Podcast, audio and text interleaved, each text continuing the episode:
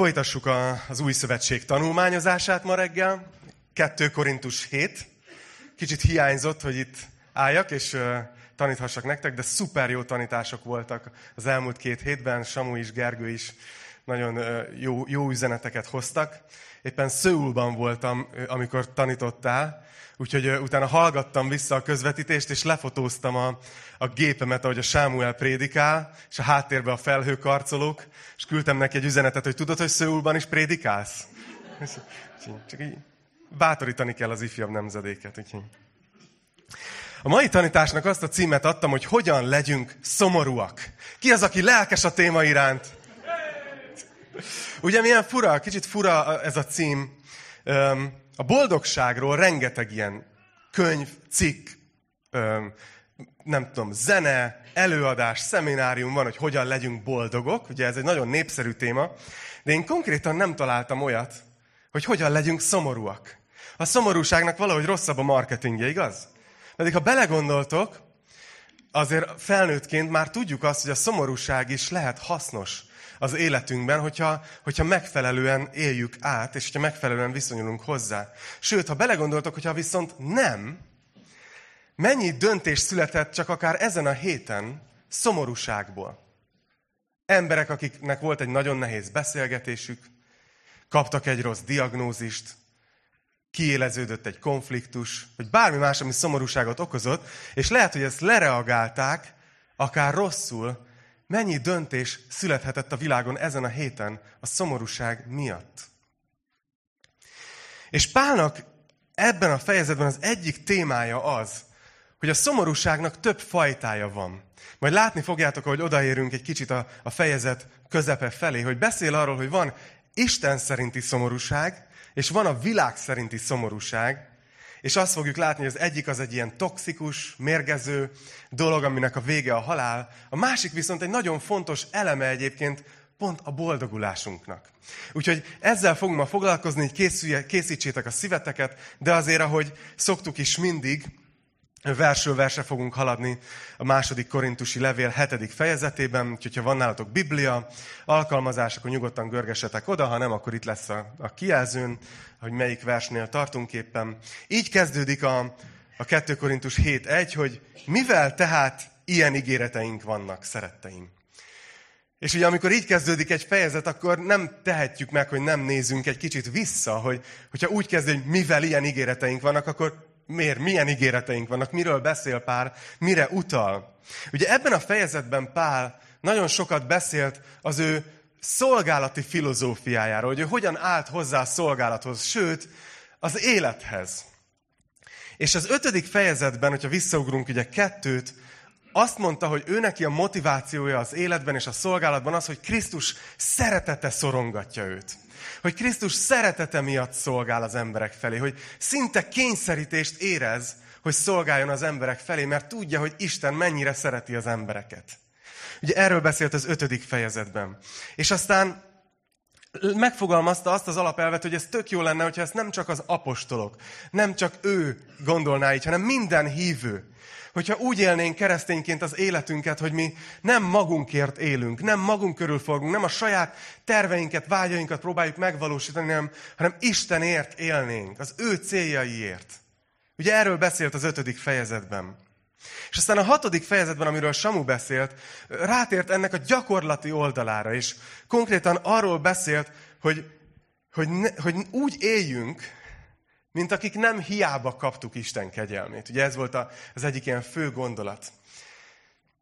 És aztán a fejezet végére odaért, hogy, hogy ne legyünk a hitetlenekkel felemás igában. És ugye beszélt is erről a Samu, hogy ez arról beszél, bár sokszor csak a házasságra értik a keresztények, de ez arról beszél, hogy ne engedjük, hogy az életünkben túl nagy befolyása, túl nagy szerepe legyen a világnak, a világ gondolatának, hanem legyünk Istené, legyünk neki félretéve, legyünk az övé. Az ő gondolatai határozzák meg a mi gondolatainkat. És utána Pál felsorolja ezeket az ígéreteket, amire itt utalt, hogy mivel tehát ilyen ígéreteink vannak. És konkrétan három ígéretet idézett az Ószövetségből, Isten, amit tett az ő népének. Szóval, hogyha te ma úgy ülsz itt, hogy hiszel Jézus Krisztusban, akkor Isten népéhez tartozol. Az azt jelenti, hogy ezek az ígéretek neked is szólnak. És ez azért fontos megérteni, mert csak így lehet egészségesen értelmezni a következő verset. A hetedik fejezetben. Szóval mik voltak ezek az ígéretek? Ez a három ígéret. Az első ígéret az ez volt, hogy Isten azt ígéri a népének, hogy ő közöttük fog lakni, és velük fog járni. Nem tudom, hogy belegondoltok, hogy ez mekkora dolog. Az Ószövetségben ugye Isten egy nagyon távoli, megközelíthetetlen, hozzáférhetetlen személy volt az emberek számára. Csak a főpap évente egyszer tudott bemenni Isten jelenlétébe. És itt pedig az új szövetségben azt ígéri, hogy ő közöttünk fog lakni, és közöttünk fog járni. Nem tudom, hogy egyébként meg is lehet tapasztalni, amikor együtt van a gyülekezet, és dicsőítünk. Nem tudom, hogy ti is érzitek-e időnként, hogy, hogy van különbség abban, hogy Isten hogyan van jelen egy-egy alkalmon. Én nem tudom ezt ennél pontosabban megfogalmazni, de, de érezhető az ő jelenléte. És a személyes életünkben is. Ő közöttünk lakik. Aztán a második ígéret, hogy ő az Istenünk lesz, és mi pedig az ő népe. Hogy nem kérdés az, hogy, hogy kihez tartozunk. Ugye ezek a legmélyebben gyökerező érzésekre adnak választ ezek az ígéretek, hogy, hogy egyedül vagyunk-e a világegyetemben. Hogyha Isten létezik is, akkor is ő egy távoli Isten, aki magára hagyott minket. És nem azt mondja, hogy közöttetek leszek, veletek fogok járni, ti az én népem lesztek, és én a ti istenetek leszek. És utána még azt mondja, hogy magához fogad minket. Az atyánk lesz, és mi pedig a gyermekei. Én nem tudom, hogy gondolkoztatok ezen, hogy a családunk az mennyire meghatározza az identitásunkat, a, a világképünket. Hogy az, az az egyszerű tény, hogy mi mit gondolunk arról, hogy kik a szüleink, hogy ők, hogy ki, a, ki az apám, ki az anyám, az meghatározza az én viselkedésemet, az én gondolataimat. Tegnap este mozi este volt nálunk otthon, szombat estét azt erre szoktuk. Tudjátok, pénteken már túlfáradtak vagyunk ehhez, akkor már mondjuk, hogy menjetek gyorsan aludni végre, végre a hétnek. De szombaton van a filmnézős este, és tegnap a, a Neveletlen Hercegnő című régi Disney klasszis néztük. Kicsit aggódtam, hogy Albert mit fog hozzá szólni, mert hát azért lássuk be, ez elég csajos film, de tetszett neki, tetszett neki.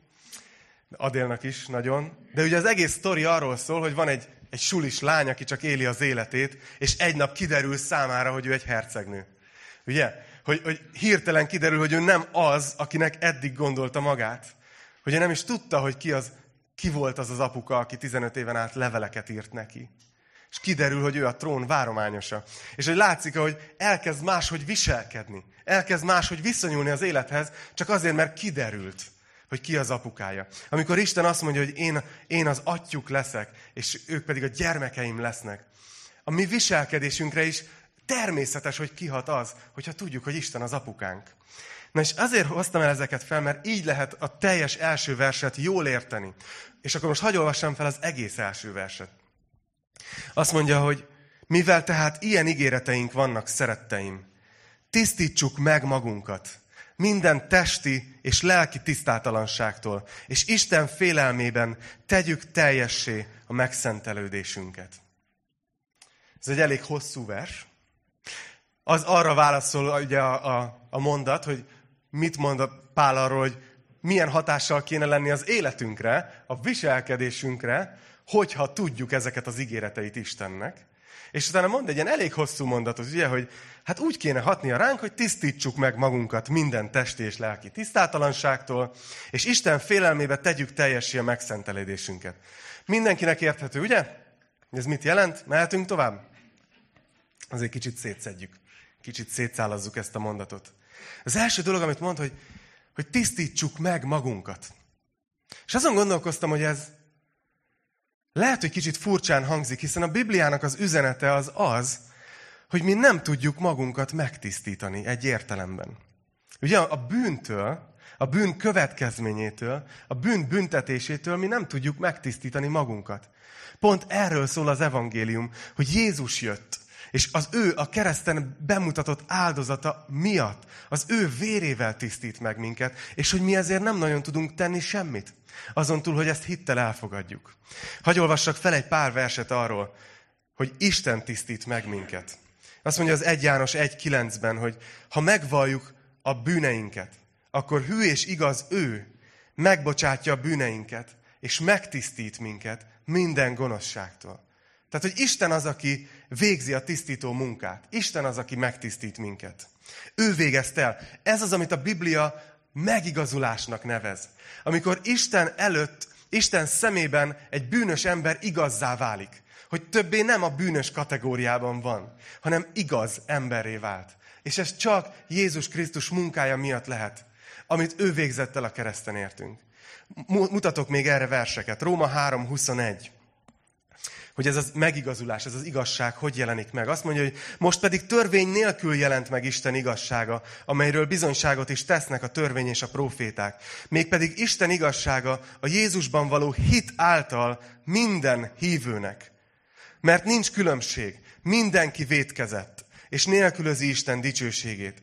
Isten azonban ingyen igazít meg az ő kegyelméből, a Krisztus Jézusban lett váltság által. Őt rendelte Isten engesztelő áldozatul, az ő vére által azoknak, akik hisznek. Ebben mutatta meg az igazságát. A korábban elkövetett bűnöket ugyanis elengedte türelmében, hogy a mostani időben megmutassa igazságát, mert ő igaz, és hallgassátok ezt a félmondatot, és igazzá teszi azt, aki Jézusban hisz. Nem tudom, hogy ül-e a szívetekben ez az ígéret, hogy ha te úgy ülsz itt ma reggel, hogy hiszel Jézus Krisztusban, akkor te egy igaz ember vagy Isten szemében. Efézus 2.8 azt mondja, hogy hiszen kegyelemből van üdvösségetek. A hit által. És ez nem tőletek van, hanem Isten ajándéka. Nem cselekedetekért, hogy senki se dicsekedjék. Látjátok, hogy mennyire hangsúlyozza a Biblia, hogy Isten az, aki megtisztít, hogy ő az, aki üdvözít, ő az, aki megvált minket, ő az, aki miatt igaz ember leszünk. De akkor mit jelent ez a vers itt a 2 Korintus 7-ben, hogy tisztítsuk meg magunkat minden testi és lelki tisztátalanságtól? Mit jelent ez? Most akkor Isten végzi a tisztító munkát, vagy mi? Én azt hiszem, hogy segít, hogyha belegondolunk ebbe a szóba, hogy tisztátalanság. Látjátok, hogy nem azt írja, hogy a bűnöktől tisztítsuk meg magunkat, vagy a bűnünk következményétől, mert ezt nem tudnánk. Hanem azt mondja, hogy mindenféle tisztátalanságtól. Sokkal egyértelműbb, nem? Mi, mi az, hogy tisztátalanság? Én nagyon egyszerűen úgy tudom megfogalmazni, hogy olyan dolgok az életünkben, amelyek nem kedvesek Istennek. És az ettől való megtisztulás, az egy másik folyamat a hívő ember életébe. Ez nem a megigazulás. Az megtörtént egyszer, amikor hívők lettünk. De van egy másik folyamat az életünkben, a megszentelődés, ahogy Isten az évek alatt kipucolja az életünkből az ott lévő dolgokat, ami neki nem kedves, és ezt már velünk együttműködésbe teszi. Ehhez mi is kellünk. Ez mi is kellünk, hogy részt vegyünk benne. Hagy mondja, tehát ha már visszamegyünk a neveletlen hercegnő példához, ugye attól, hogy neki föltettek egy koronát a fejére a végén, a filmnek, ettől neki még meg kellett tanulni a következő években majd királynőhöz méltóan viselkedni, elhagyni bizonyos viselkedésformákat. És erre hív minket Isten. Hogy nézzük meg az életünket, és hogyha van olyan dolog, ami nem kedves az ő szemébe, akkor azzal működjünk vele együtt, hogy az kerüljön ki minél hamarabb az életünkből. Csak ott keveredik össze szerintem sok keresztény, hogy azt gondoljuk, hogy Isten akkor fog elfogadni, hogyha ez sikerül. De mi máshogy látjuk ezt az igében, hogy mi már el vagyunk fogadva, már igazak vagyunk Isten szemébe, ő már megígért, hogy a mennybe visz minket. De egész addig, amíg itt vagyunk, mégis együtt tudunk vele dolgozni, hogy pucolódjon ki az életünkből a tisztátalanság. És érdekes, hogy azt mondja, hogy mindenféle testi és lelki. Nem tudom, hogy tudjátok, hogy vannak testi dolgok, amik nem tetszenek Istennek, és vannak lelki, belső dolgok, amik nem tetszenek Istennek. Ugye beszél testi esetben nagyon sok mindenről, ha a Galata levél 5. fejezetét megkeresitek, ott le van írva egy csomó dolog, amit a test cselekedeteinek tart a Biblia, és ott nagyon sok mindenről van szó. És lelki tisztátalanságról is beszél a Biblia. Olyan dolgokról, aminek, ami Isten azt mondja, hogy nem kell, hogy ott legyen az életedbe. Ilyen dolgok, mint képmutatás. Jézus rengeteget beszélt róla. Büszkeség. Önigazulás, önigazultság. Keserűség, gyűlölet. Ugye ezek olyan dolgok, amik beszennyezik a lelkünket. És hogyha ez van benned, nem feltétlenül nem leszel hívő, lehet, hogy ugyanúgy hívő vagy, megigazult ember vagy, de ez, ez, ez bántani fogja a kapcsolatodat Istennel, és egyébként másokkal is. Szóval azt mondja, hogy ezeket tegyük ki az életünkből, és azt mondja még, hogy mindezt Isten félelmében tegyük. És ez is sokaknak gondot okoz, hogy akkor félni kell Istentől, tehát hogy mégiscsak félek Istentől, és ezért próbálom kitakarítani az életemből a, a tisztátalan rossz dolgokat. De nem, az Isten félelem a Bibliában sokkal inkább egy ilyen rácsodálkozás, egy ilyen ledöbbent állapot, egy ilyen tartós ledöbbent állapot Isten nagysága miatt.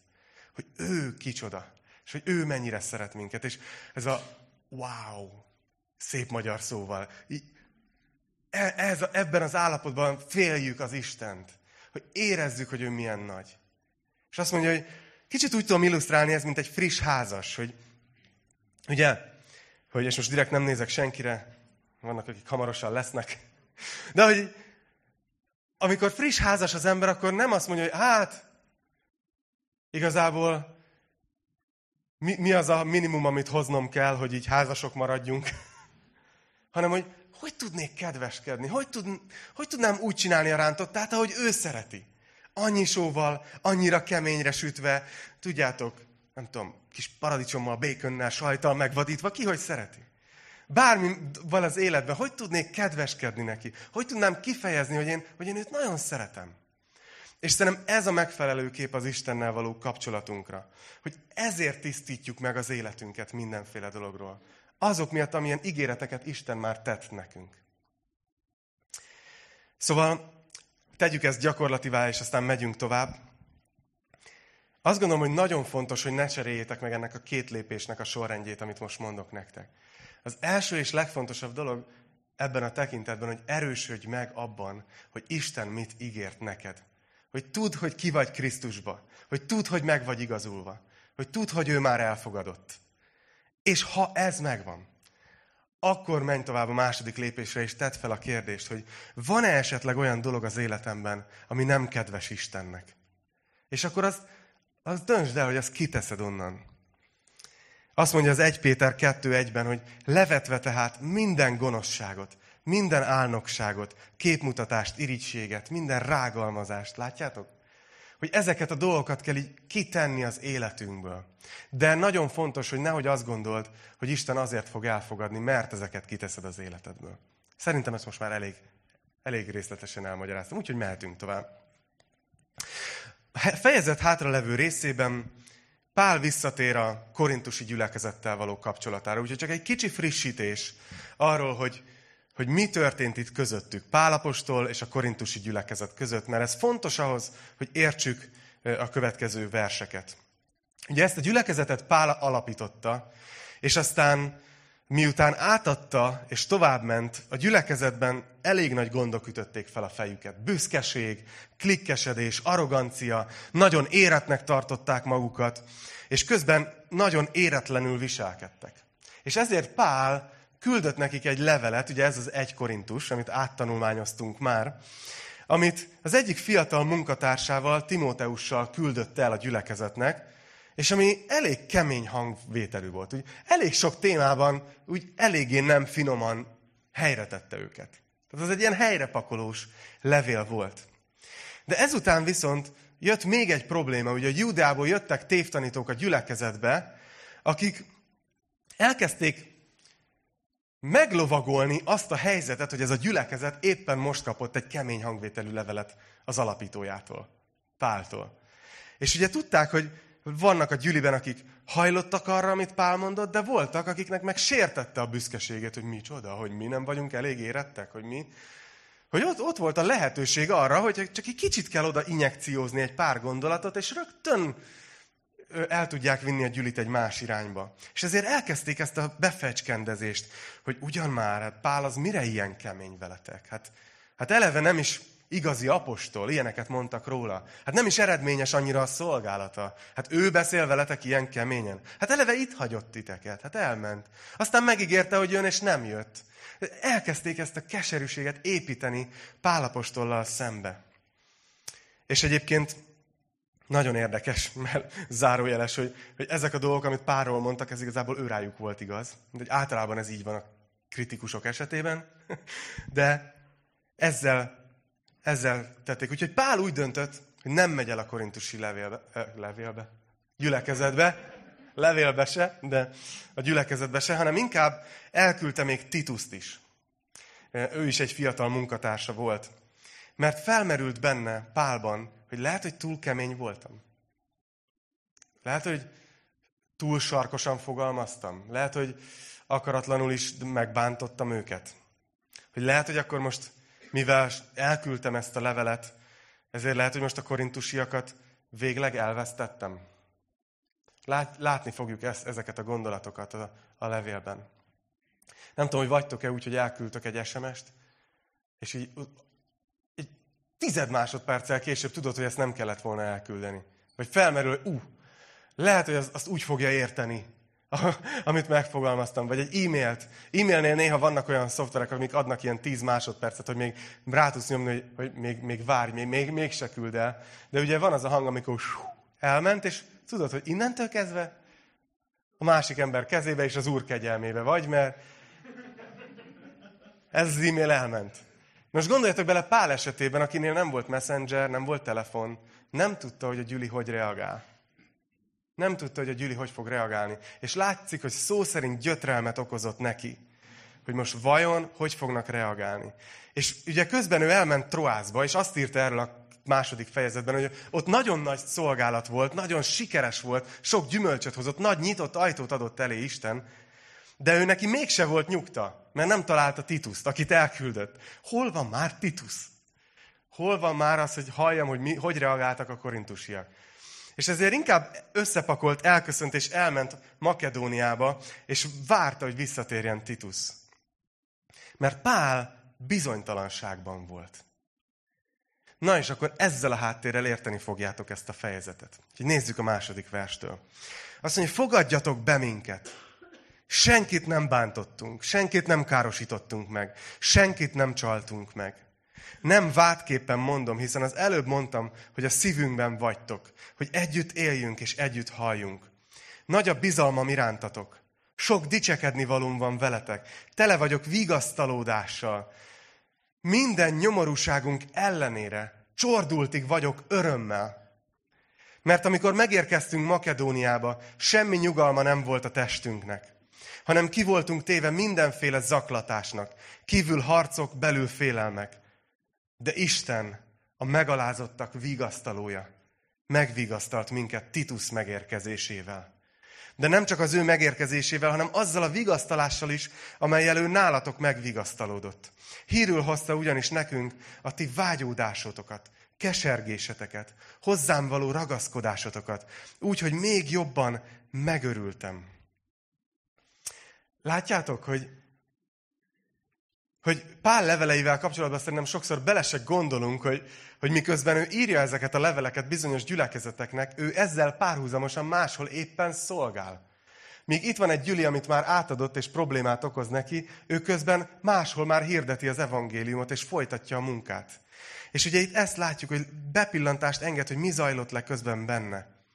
És a makedóniai fejezetről ezt írja, hogy nyomorúságban volt Pál ebben az időszakban, amikor ezt amikor ez, ezt várta Tituszt vissza. Sőt, ezt írja, hogy mindenféle zaklatás érte őket. Hogy semmi nyugalmuk nem volt, ezt írja az ötödik versben. Milyen erős ez a kifejezés, hogy kívül harcok, belül félelmek. És akkor ilyenkor szoktam mondani, hogy hát Pál, hol van az a dicsőséges, győzedelmes keresztény élet? Hogy neked mindig boldognak kell lenni, mert Jézus megváltott. Hát szerintem tök őszinte, és annyira jó, hogy látjuk, hogy Pál mind ment át. Ő így élte meg a szolgálatot abban az időben. Egy mély ponton volt. Lehet, hogy nektek is ismerős érzések ezek. És közben még az is, hogy Titus meg csak nem akar jönni. Várja napról napra. Gondolom várja, hogy jön valami hajó, hát ha majd azzal. És nem jön. Titus nem jön. És Pál oda van. De aztán egy, egy nap Titus megérkezik, és tudod, lemennek a megfelelő körök, gondolom, hogy köszön mindenkinek, és Pál alig várja, hogy így kettesbe maradjon Titusszal. Tesó, mondjál már valamit! Mi van Korintusban? Hogy reagáltak a levélre, hogy nagyon pipák rám, hogy így végleg leírtak, hogy szerinted most akkor így kész vagyunk, vagy túl keményen fogalmaztam? És Titus mondja, ha tudnád, hogy ezek az emberek, ezek vágynak veled találkozni. És hogy meg elkeserítette őket, mert felismerték, hogy mennyire, mennyire benéztek dolgokat, mennyire rosszul csinálták, mennyire rossz ö, dolgokat hittek el rólad. És alig, alig várnak, és ragaszkodnak hozzád. És így el tudjátok képzelni Pált, hogy így ott ül, és így hogy azt mondja, hogy ez a dolog, ez az egyszerű hír, így megvigasztalta a szívét. Hála Istennek. Van itt egy mellékszál, amiről szeretnék beszélni, hogy lehet, hogy azt gondolod, hogyha nehézségek vannak az életedben, pedig keresztény vagy, akkor valamit rosszul csinálsz. Biztos, hogy lesz ott az ellenség, és lesznek talán még mások emberek is, lehet, hogy még testvérek is, akik ezt éreztetik veled. Ha nehézségem mész át, hogyha egy hosszú mélyponton vagy, akkor, akkor valami nincs rendben. De látjátok, Pál is ebben volt. Láttam a Facebookon ezt a kiírást, hogy minden a tervek szerint halad. Csak ezek nagyon nem az én terveim. Sokszor így vagyunk az életben, hogy azt se tudjuk, hogy merre van az előre. És Pál volt így. Én legtöbbször úgy vagyok ezzel, hogy, hogy majd ha elmúlnak a nyomorúságok, majd akkor örülök. De nézzétek, hogy Pál mit mond? Hogy minden nyomorúságom ellenére nem azt mondja, hogy tudok örülni. Na, valamennyire. Hanem azt mondja, minden nyomorúságom ellenére csordultig vagyok örömmel. Ez, ez mekkora mondat? Ez lehetséges. És akkor itt reagál arra, hogy bepillantást enged a belső küzdelmébe, nyolcadik verstől. Azt mondja, hogy mert ha megszomorítottalak is titeket azzal a levéllel, nem bánom. Bántam ugyan, látva, hogy az a levél, ha egy kis időre is megszomorított titeket. De most már örülök. Nem annak, hogy megszomorodtatok, hanem hogy szomorúságotok megtéréshez vezetett. Mert Isten szerint szomorodtatok meg. És miattunk semmiben nem vallotok kárt.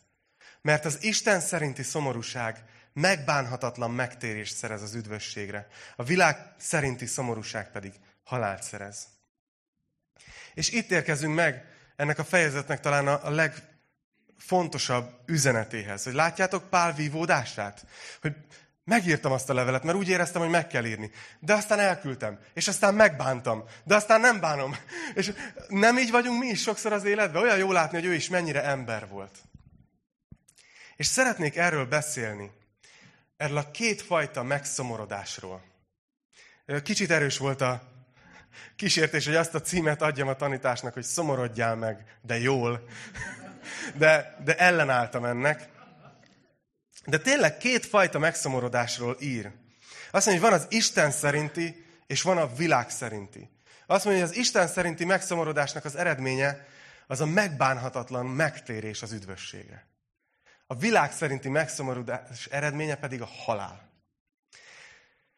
Szerintem kell erről beszélni, mert van egy olyan kultúra a kereszténységen belül is, hogy mindig csak a pozitívról beszélünk. Mindig csak, mindig csak felemelni a másikat.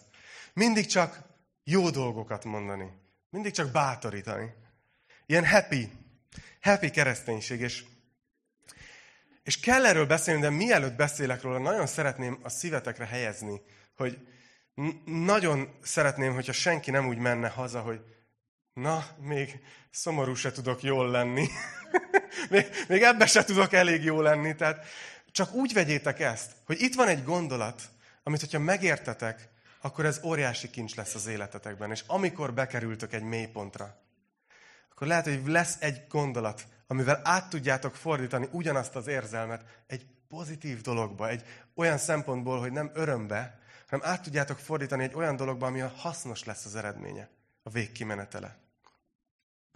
Pál szavaiból látjátok, azt tűnik ki, hogy időnként a szomorúság kell ahhoz, hogy valami jobb jöjjön ki belőle.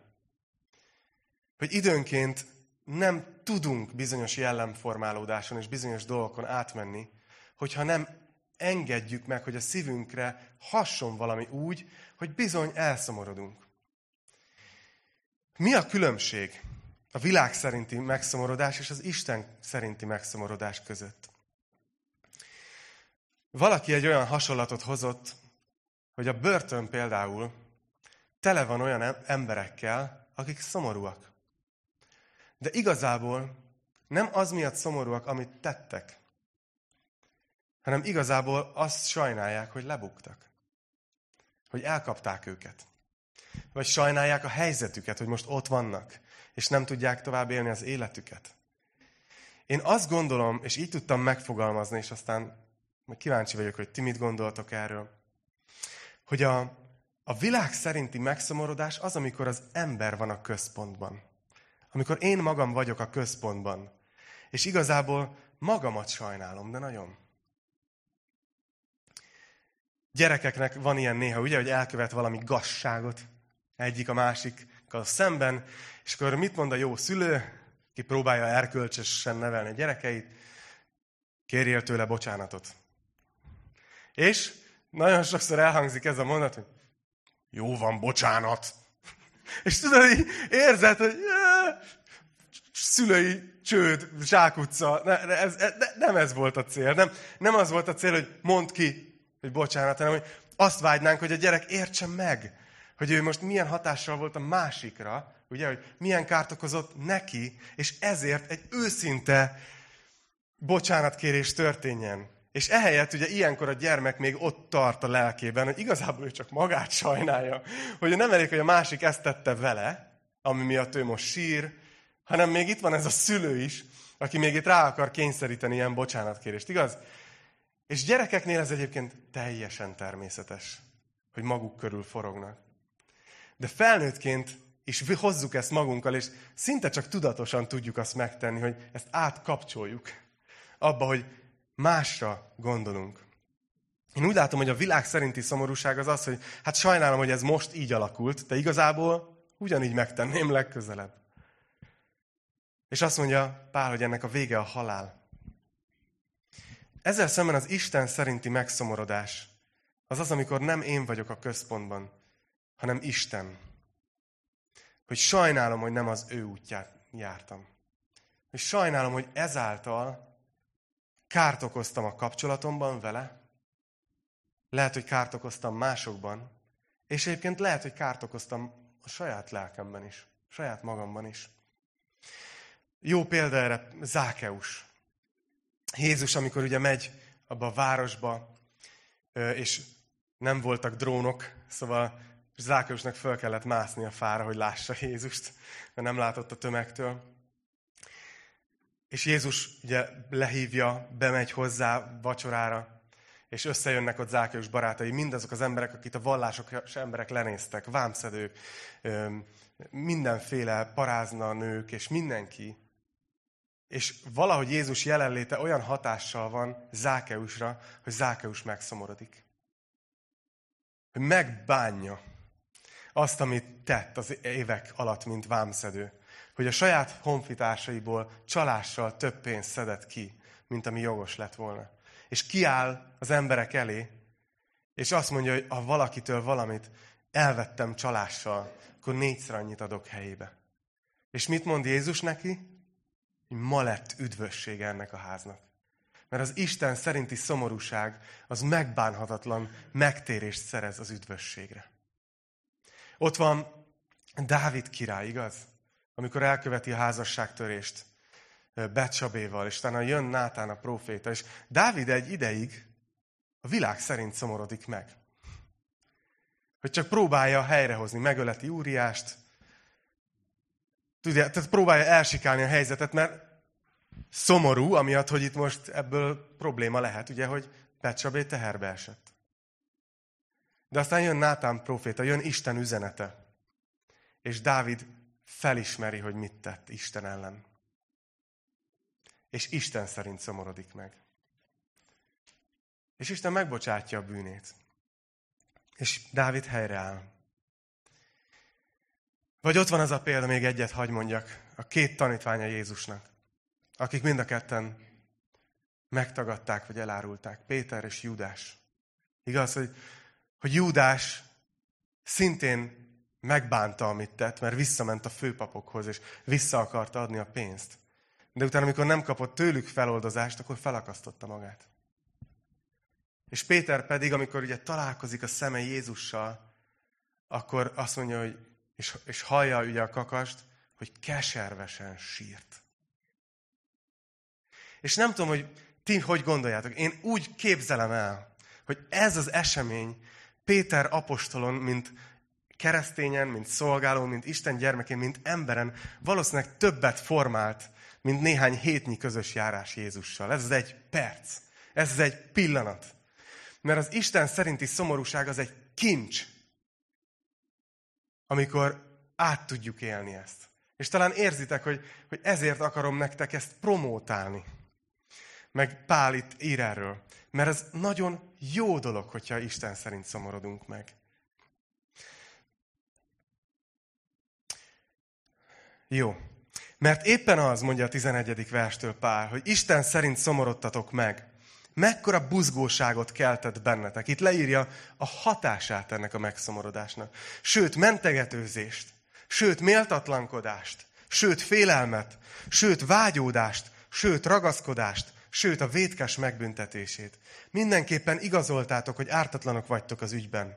Ha tehát írtam is nektek, nem a sértő miatt írtam, és nem is a sértett érdekében írtam, hanem azért, hogy nyilvánvalóvá legyen a buzgóságotok, amely Isten színe előtt van bennetek irántunk.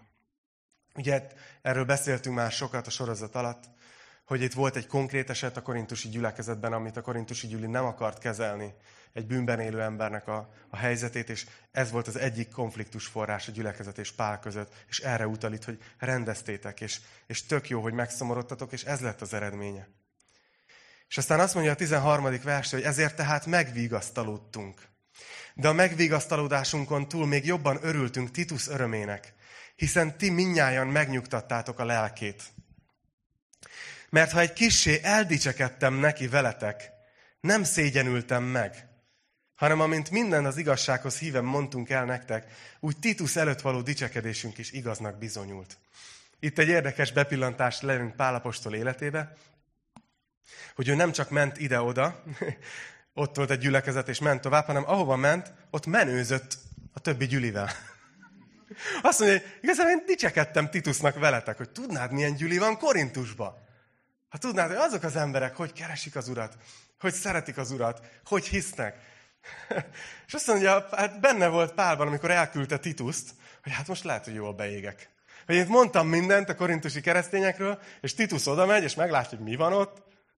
De azt mondja Pál, hogy ha egy kicsit el is bizony dicsekedtem neki veletek, nem szégyenültem meg. És azt mondja, hogy ő még jobb szívvel gondol rátok, amikor visszaemlékezik minnyájatok engedelmességére, amint félve és remegve fogadtátok őt. Örülök, hogy minden tekintetben bízhatom bennetek. Pál leírja ezt az eseményt, amikor Titus megérkezett a korintusi gyüliben, és ugye, mint amikor mi megyünk egy új helyre, hogy na vajon hogy fognak reagálni, na vajon mit fognak szólni, hogy fognak hozzáállni, mi lesz. És Titus bement, és azt látja, hogy ott van egy gyülekezet, aki meg van szeppenve. Meg van szeppenve, mert érzik, hogy elszúrtak valamit nagyon. És úgy várják Tituszt nyitottan hogy segíts akkor ezt, ezt helyre rakni. És Titus úgy jön haza Pálhoz, hogy ilyen gyüli ez a korintusi gyüli. És Pál azt mondja a korintusiaknak, hogy köszi, köszi, hogy nem hagytatok cserben. Hát ez a fejezet vége. Hagy emeljek ki néhány gondolatot. Itt a végén.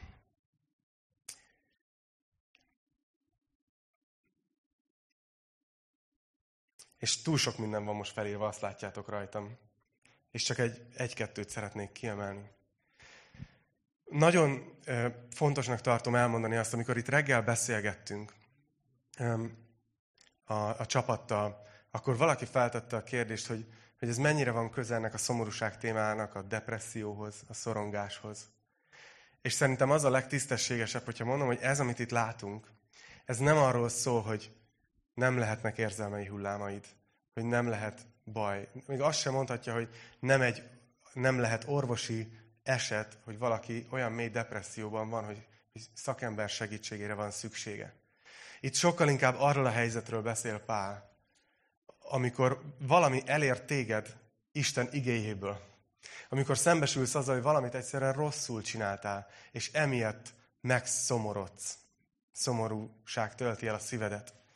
És ez viszont egy drága, drága, drága kincs, és nagyon fontos, hogy ezt ne felejtsük el, hogy hogyan, hogyan tudunk így Isten szerinti szomorúságot átélni, amikor erre szükségünk van. Én, én azt gondolom, és most hagyj beszéljek a szívemből, hogy, hogy ez, ez az egyik fő ütőkártyán keresztényként. Hogyha a világ, akik még nem hisznek Jézusban, azt látják a keresztényeken, hogy ők nem büszkék, nem beképzeltek, nem arrogánsak, hanem egy alázat van rajtuk. Én úgy látom, hogy ma Magyarországon nagyon sok nem hívő úgy látja a kereszténységet, így összefoglalóan, hogy na ezek azok, akik úgy érzik, hogy mindenkinél mindent jobban tudnak, jobban tudják, hogy hogy kéne élni, mit kéne csinálni, meg akarják szabni a többieknek is, hogy hogyan éljenek. Szerintem van egy ilyen érzés, hogy közbe mik történnek. Nem tudom, hogy láttátok-e például ezt a hírt, a héten történt ítélethirdetés egy bírósági ügyben. Ez az illető gyerekkorában egy gyermekmolesztálás áldozata volt, egy egyházi vezető részéről. És miután eljutott oda, hogy egy kicsit feldolgozta sok-sok folyamaton keresztül ezt a dolgot, a küldetésévé tette, hogy ez minél kevesebb emberrel történhessen meg a jövőbe, és ezért próbálta felhívni a figyelmet erre, és próbálta elérni, hogy azt az őt molesztáló egyházi szemét ítéljék el. Üm, és, mi, és, az, és amikor az egyház erre nem volt hajlandó, akkor egyre kétségbeesettebb módszerekkel próbálkozott. Volt hogy elment egy gyülekezeti alkalomra, és ott felszólalt. Amiért ez a szóban forgó egyház őt feljelentette. Mint zaklató. És a héten hirdettek ítéletet, ahol őt elítélték zaklatásért. És nagyon figyelitek szerintem a szavaimat, hogy itt nem egy másik egyházat szeretnék lejáratni. Nem a keresztény testvéreinkről szeretnék öm, negatívan beszélni, vagy elmarasztalóan. El, hanem úgy érzem, hogy, hogy amikor a világ ezt látja, hogy, hogy, hogy megtörténik ilyen, egy keresztény közegben, és utána erre nem az a reakció, hogy Isten szerinti megszomorodás, és amit csak lehet megtesszük, hogy itt helyreállás legyen, hanem még ők támadnak vissza, akkor szerintetek az evangélium ugye az, az gyengül, vagy erősödik itt az országban? És látjátok, nagyon remélem, hogy érzitek, hogy nem más egyházról, nem, kriti, nem úgy akarok kritizálni, hanem, hanem bennem van ez a, ez a, ez a fájdalom, hogy ne, ne vágjuk már az evangélium alatt a fát. Azt hiszem, hogy egy büszke keresztény, egy arrogáns keresztény, az sokszor többet árt az evangélium ügyének, mint amennyit használ. Úgyhogy nagyon fontos az, amit itt Pál beszél. Hogy merjük azt elvállalni, amikor rossz fát teszünk a tűzre. Amikor igen, nem helyesen tettünk, amikor bűnt teszünk, amikor rossz döntést hozunk, és nekünk kéne a keresztényeknek vezetni ebben az utat, hogy ilyenkor kiállunk, és azt mondjuk, hogy igen, elszúrtuk. És ez nem, most már nem róluk beszélek, arról az ügyről, hanem itt rólunk. Hogy szerintem óriási bizonyság az, hogyha érzi a világ, hogy mi nem beképzeltek vagyunk, nem arrogánsak, nem jobban tudjuk, nem elítéljük őket, hanem, hanem mi is tudjuk, hogy bűnösök vagyunk és egy ilyen alázattal teszünk arról bizonyságot, hogy annak ellenére, hogy mi bűnösök vagyunk, van valaki, aki meghalt értünk, és rendezte a, a, a számlánkat, és az ő neve Jézus. És ez te neked is elérhető. Tudjátok, csak így tudunk ellenkultúra lenni. Egy olyan kultúrában, ahol ma a világban az a közgondolkozás kezd eluralkodni, hogy a, hogy a bűn miatt, a hibáid miatt nem, hogy szomorú ne legyél, hanem igazából még húzd ki magad, emeld fel a fejed, és legyél rá büszke. Vállalt fel. Azt hiszem, hogy egy ilyen levegőben mi csak úgy tudunk ellenkultúra lenni, ha mi, mi alázattal azt mondjuk, hogy nem, Nem, nem vagyok rá büszke. Na hát,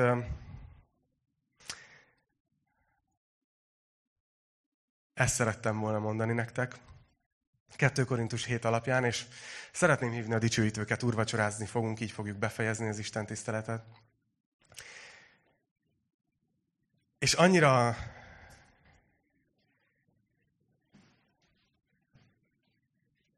annyira tetszik ez nekem, hogy, hogy Jézus, bár, bár folyamatosan olyan dolgokról beszél a Biblia, hogy örüljetek az Úrban mindenkor. Ismét mondom, örüljetek. Ugye alapvetően nem egy búskomor életre vagyunk elhívva keresztényként. Nem egy ilyen folyamatos önsajnáltató, és, és jaj, bocs, hogy élek, életre vagyunk elhívva. Nem. Hanem Isten akar nekünk egy méltóságot és egy tartást adni, és örömmel megtölteni. A Szentléleknek a gyümölcse az öröm. De mégis Jézus azt mondja, hogy ehhez az egyik lépés az az, hogy folyamatosan a szemed előtt tartod, hogy te egyébként kegyelemből vagy megváltva, és nem magadat bízod el és adta a tanítványoknak az úrvacsorát. Érdekes, hogy azt mondta, hogy aki hisz, és hisz, az merítkezzen be, igaz? De az, úr, az egyszer történik egy ember életében, hogy bemerítkezik, általában. De az úrvacsorát azt mondja, hogy az pedig mi, amíg, amíg összejöttök, amíg vissza nem jövök, az Úrnak halálát hirdessétek. És milyen érdekes, mert Jézus halála, amiről az úrvacsora bizonyságot tesz, amit szimbolizál, az pont arról szól, hogy mi bűnösök vagyunk. Hogy egy módon mindig van egy egy kis Isten szerinti szomorúság az úrvacsorában. És nem, nem csinálunk belőle ilyen gyászszertartást, hogy itt szomorkozunk együtt, mert egyszerre Isten szerinti szomorúság, mert szembesülünk azzal, hogy, hogy meg kellett minket váltani, mert, mert bűnös emberek vagyunk, és egyszerre ünnep. Látjátok, hogy ez valami egészen más minőségű öröm, mint ez a büszke öröm. Hanem itt egy, itt egy egészséges öröm van. És erre mutat rá az úrvacsora, hogy igen, én egy bűnös ember vagyok, akiért valakinek meg kellett halnia. De én egy igaz ember vagyok most már, mert volt, aki meghalt értem. Mert Jézus meghalt a kereszten, és feltámadt a harmadik napon, és bebizonyította, hogy Isten, és bebizonyít, hogy szeret, és ezért a bűneim el vannak mosva, és meg van tisztítva. Úgyhogy megyek a héten, és dolgozom Istennel azon, hogy tisztítsam magamat is minden lelki és testi tisztátalanságtól, de már ebből a bizonyosságból, már ebből a hitből. Az evangélium egy rossz hírrel kezdődik, de az evangélium azt jelenti, hogy jó hír. Úgyhogy gondolkozzunk ezen, ahogy vesszük most majd az úrvacsorát, és, és remélem, hogy Isten így viszi tovább bennetek ezeket a gondolatokat hétközben. Atyám, köszönjük neked ezt a fejezetet itt a korintusi levélben. És arra szeretnélek kérni így nagyon egyszerűen, hogy vidd tovább ezt az igét a szívünkben, így hétközben, add meg nekünk, hogy megteremje a gyümölcsét. Kérlek, Atyám, hogy erősíts meg mindannyiunkat abban, hogy a Te kegyelmed miatt vagyunk mi egyáltalán az az ígéret alatt, hogy megyünk hozzád a mennybe, hogy örök életünk van. Ez semmi köze a mi cselekedeteinek. De közben, Uram, add meg nekünk azt a bátorságot is, hogy ennek fényében szembe merjünk nézni azokkal a dolgokkal az életünkben, ami nem kedves előtted. És kérlek, hogy segíts, hogy ezek eltűnjenek. Segíts ezektől megszabadulni. Segíts ezeket letenni. És imádkozom azért, hogy most, hogy vesszük az úrvacsorát, így erősíts meg minket ebben az üzenetben. Úr Jézus, a Te nevedben. Amen.